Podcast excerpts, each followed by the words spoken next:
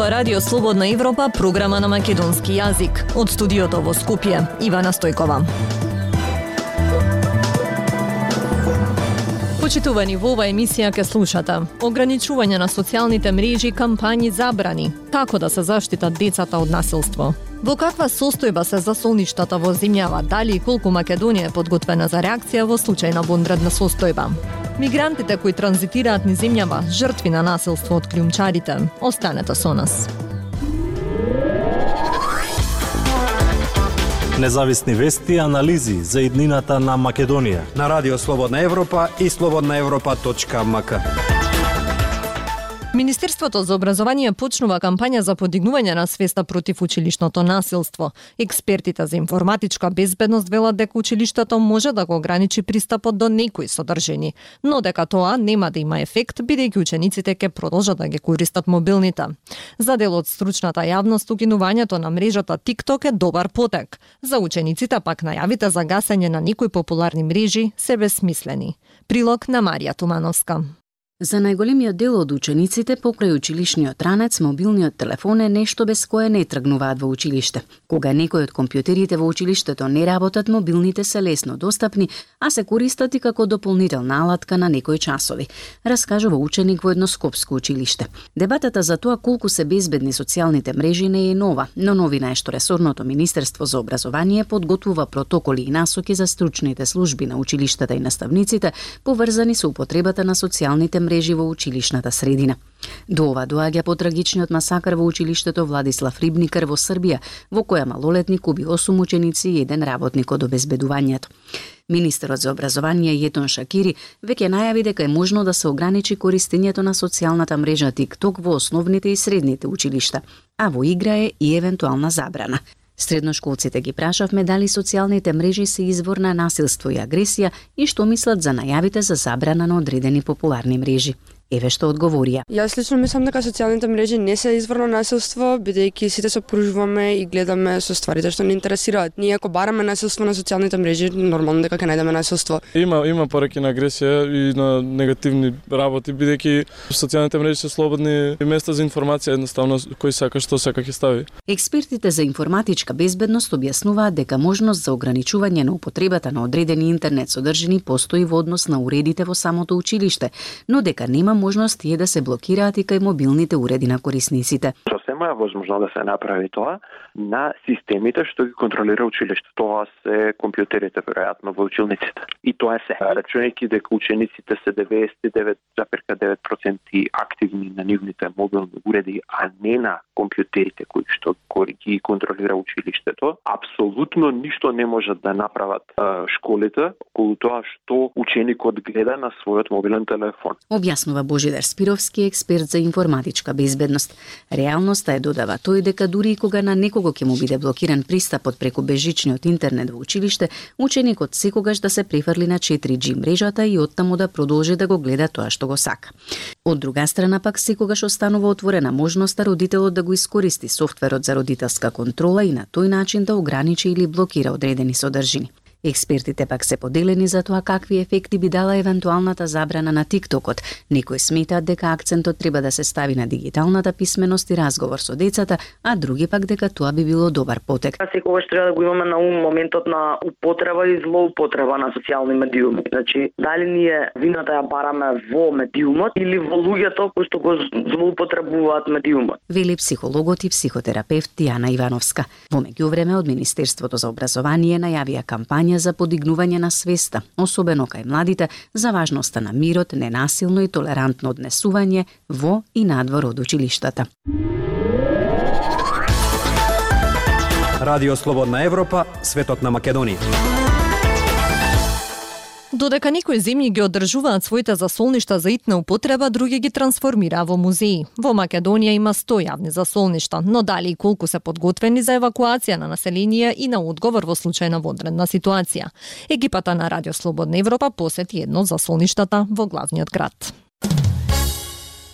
За пазарчето во населбата аеродром се наоѓа едно 20-тината јавни засолништа во Скопје. Речиси 2 метри подземја засолништето има капацитет да засолни 200 луѓе во случај на вонредна состојба. Опремено е со системи за вентилација и ротори за производство на електрична енергија, како и алати за само спасување е едно од функционалните засолништа во земјава. Изградено е во 80-тите години од бившата југословенска армија, последен пат е реновирано пред десетина години. Скривницата има неколку соби со бетонски прегради, располага со тоалети, систем за вентилација и врати за принуден излез. На територијата на целата земја пак има околу 100 јавни засолништа, но само 5 се целосно реновирани. Скопските засолништа се наоѓаат во општините Газибаба, Карпошки, Селавода, Центар и Чаир. Со одлука на владата во 2005 делот за солништата кои припаѓале на Министерството за одбрана се доделени на Дирекцијата за заштита и спасување на трајно користење. Делот за солништата како ова во аеродром се функционални, но дел се оставени на забот на времето. Половина за солништата се во одлична функционална состојба и истите се одржуваат правилно, навремено и служат за она што е наменето. Останатите тоа се тунелски засолништа, така наречени тунелски засолништа, кои уште во времето на градење се направени само за еднократно засолнување и без некои поголеми мерки на засолнување. Моментално сме во засолништето во наслов аеродром, изградено 80-тите години од страна на бившата Југославенска армија и а, Големината на заслоништа е околу 400 квадрати и е за 200 граѓани. За солништата се урбанистичко-технички мерки за заштита на населението кои не само што се дел од деталните урбанистички планови, туку за нив порано се плаќала јавна давачка. До пред неколку години секоја зграда мораше да располага со засолниште, но од 2012 тие законски уредби се укинати и во новите згради кои што се градат нема засолништа. А, ова е само дел од засолништа со кои располага Република Северна Македонија. Повеќето засолништа се во собственост на граѓаните, односно на куќните совети. За тие засолништа се грижат куќните совети. И подобиена евентуална знак за опасност, председателот на куќниот совет кој го има клучот од засолништето се го отклучува засолништето и граѓаните се засолнуваат. За овие 100 засолништа со кои располага дирекцијата за заштита и спасување, се за јавни засолништа така наречени јавни засолништа, и тука се засолнуваат граѓаните кои се во непосредна близина, односно во конкретен случај граѓаните од неблиската зграда. Значи сега инвеститорите кои градат нови згради немаат обврска да плаќаат за за солништа, нити обврска да прават нови за солништа. Војната во Украина ги отвори прашањата во каква состојба и дали колку државите се подготвени за вакви ситуации. Сепак европските држави како на пример Германија веднаш по руската инвазија почнаа да ги зајакнуваат своите јавни засолништа, а германската влада соопшти дека работи на нови концепти подобрување на подземните паркинзи, метростаниците и подрумите со цел да станат потенцијални засолништа. Слободна Европа. Следете на на Facebook, Twitter и YouTube. Мигрантите кои транзитираат низ Македонија се жртви на насилство, особено на криумчари кои им наплаќаат високи суми за транзитот низ земјава, но честопати тие и физички ги малтретираат. Ситуацијата е потрагична за оние мигранти кои настрадале во сообраќајни несреќи додека шверцерите бегале од полицијата со што загубиле раци или нозе. Тема на Владимир Калински. Голем број мигранти или бегалци кои транзитираат низ Северна Македонија се жртви на насилство од страна на криумчарите, но и на психолошки и финансиски притисок, предупредуваат од Црвениот крст. Според организацијата, шверцерите на мигрантите им наплакеат од 800 до 1000 евра за да ги пренесат од јужната до северната граница на земјава, но тие често и физички ги малтретираат. Има многу случаи на претепани мигранти, но и такви кои завршуваат со тешки повреди во сообраќајни несреќи. Имаме доста насилство има доста лица кои се ги наоѓаме претепани на терен и исто така има доста лица кои се за шал во тие сообраќајки губат екстремитети, нозе, раче, на вистина тоа е многу жално да се гледа. Ние сме тука да помогнеме. Вели Сузана Тунева Пуновска, секретар на Црвениот крст. Меѓу последните жртви на криумчарење беше млада девојка која во април го загуби животот во земјава во инцидент кај Гевгелиската касарна. Македонски полицаец ја застрелал мигрантката додека полицијата вршела контрола на две патнички возила со 8 мигранти кои почнале да бегаат. Криумчари нападнале еден од полицајците и се обиделе да му го одземат пиштолот, па пошто пиштолот испукал и ја погодил девојката, соопшти Мавара. Северна Македонија е дел од така наречената Балканска рута низ која транзитираат мигрантите и бегалците од војните на Блискиот Исток и Северна Африка.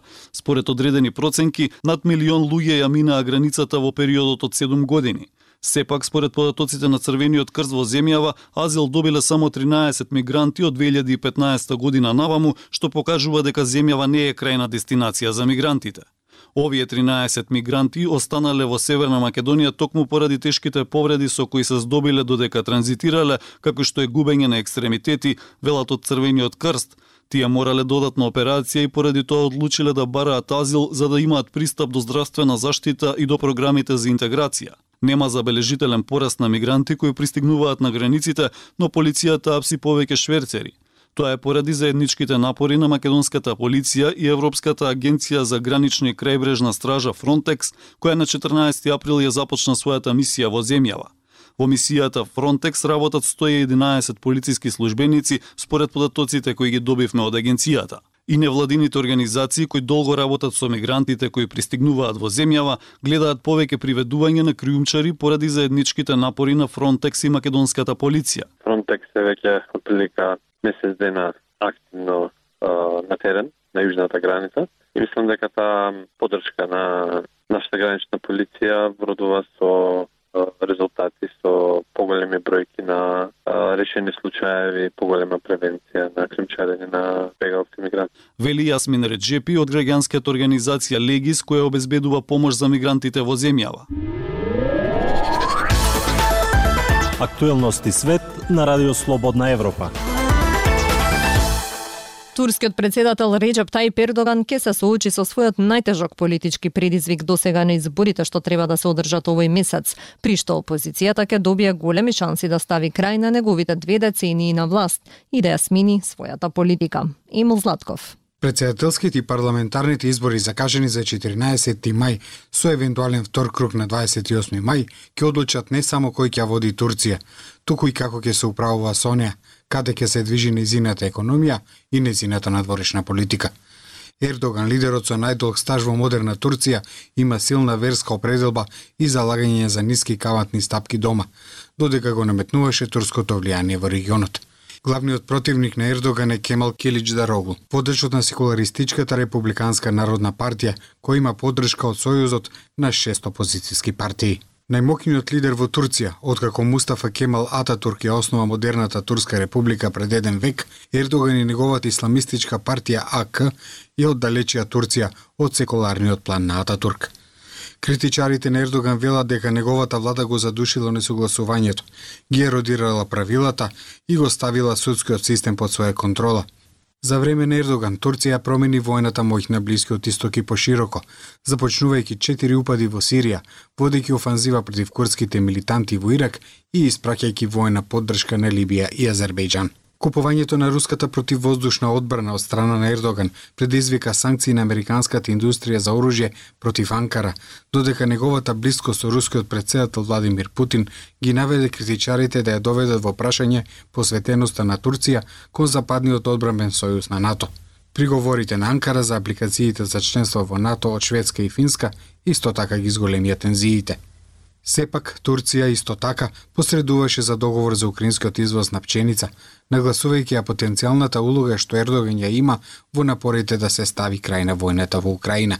Друго актуелно прашање е што ветува опозицијата. Двете главни опозицијски партии, секуларистичката ЦХП и централно десничарската националистичка партија ИГИ, се здружија со четири помали партии, според платформата што ќе ги смени многу од подписните политики на Ердоган. Тие ветија дека ќе ја вратат независноста на Централната банка и ќе ја променат неортодоксната економска политика на Ердоган. Тие исто така ќе го уништат неговото извршно председателство во корис на предходниот парламентарен систем и ќе ги вратат сириските бегалци. Тие исто така имаат за цел да ги подобрат односите со западните сојузници, а аналитичарите сметаат дека политиките што ги вети опозицијата може да ги поттикнат странските инвестиции. Последните анкети покажуваат дека Каличер Доглу е пред Ердоган, чија популарност е погодена од кризата на трошоците за живот, предизвикана од неконтролираната инфлација, што ги изголемува шансите на опозицијата. Сепак останува отворено едно клучно прашање: дали курдските гласачи ќе ја поддржат опозицијата? Тоа беше се во вестите на Радио Слободна Европа од студиото во Скопје со вас беа Ивана Стојкова и Дејан Балаловски. До слушање.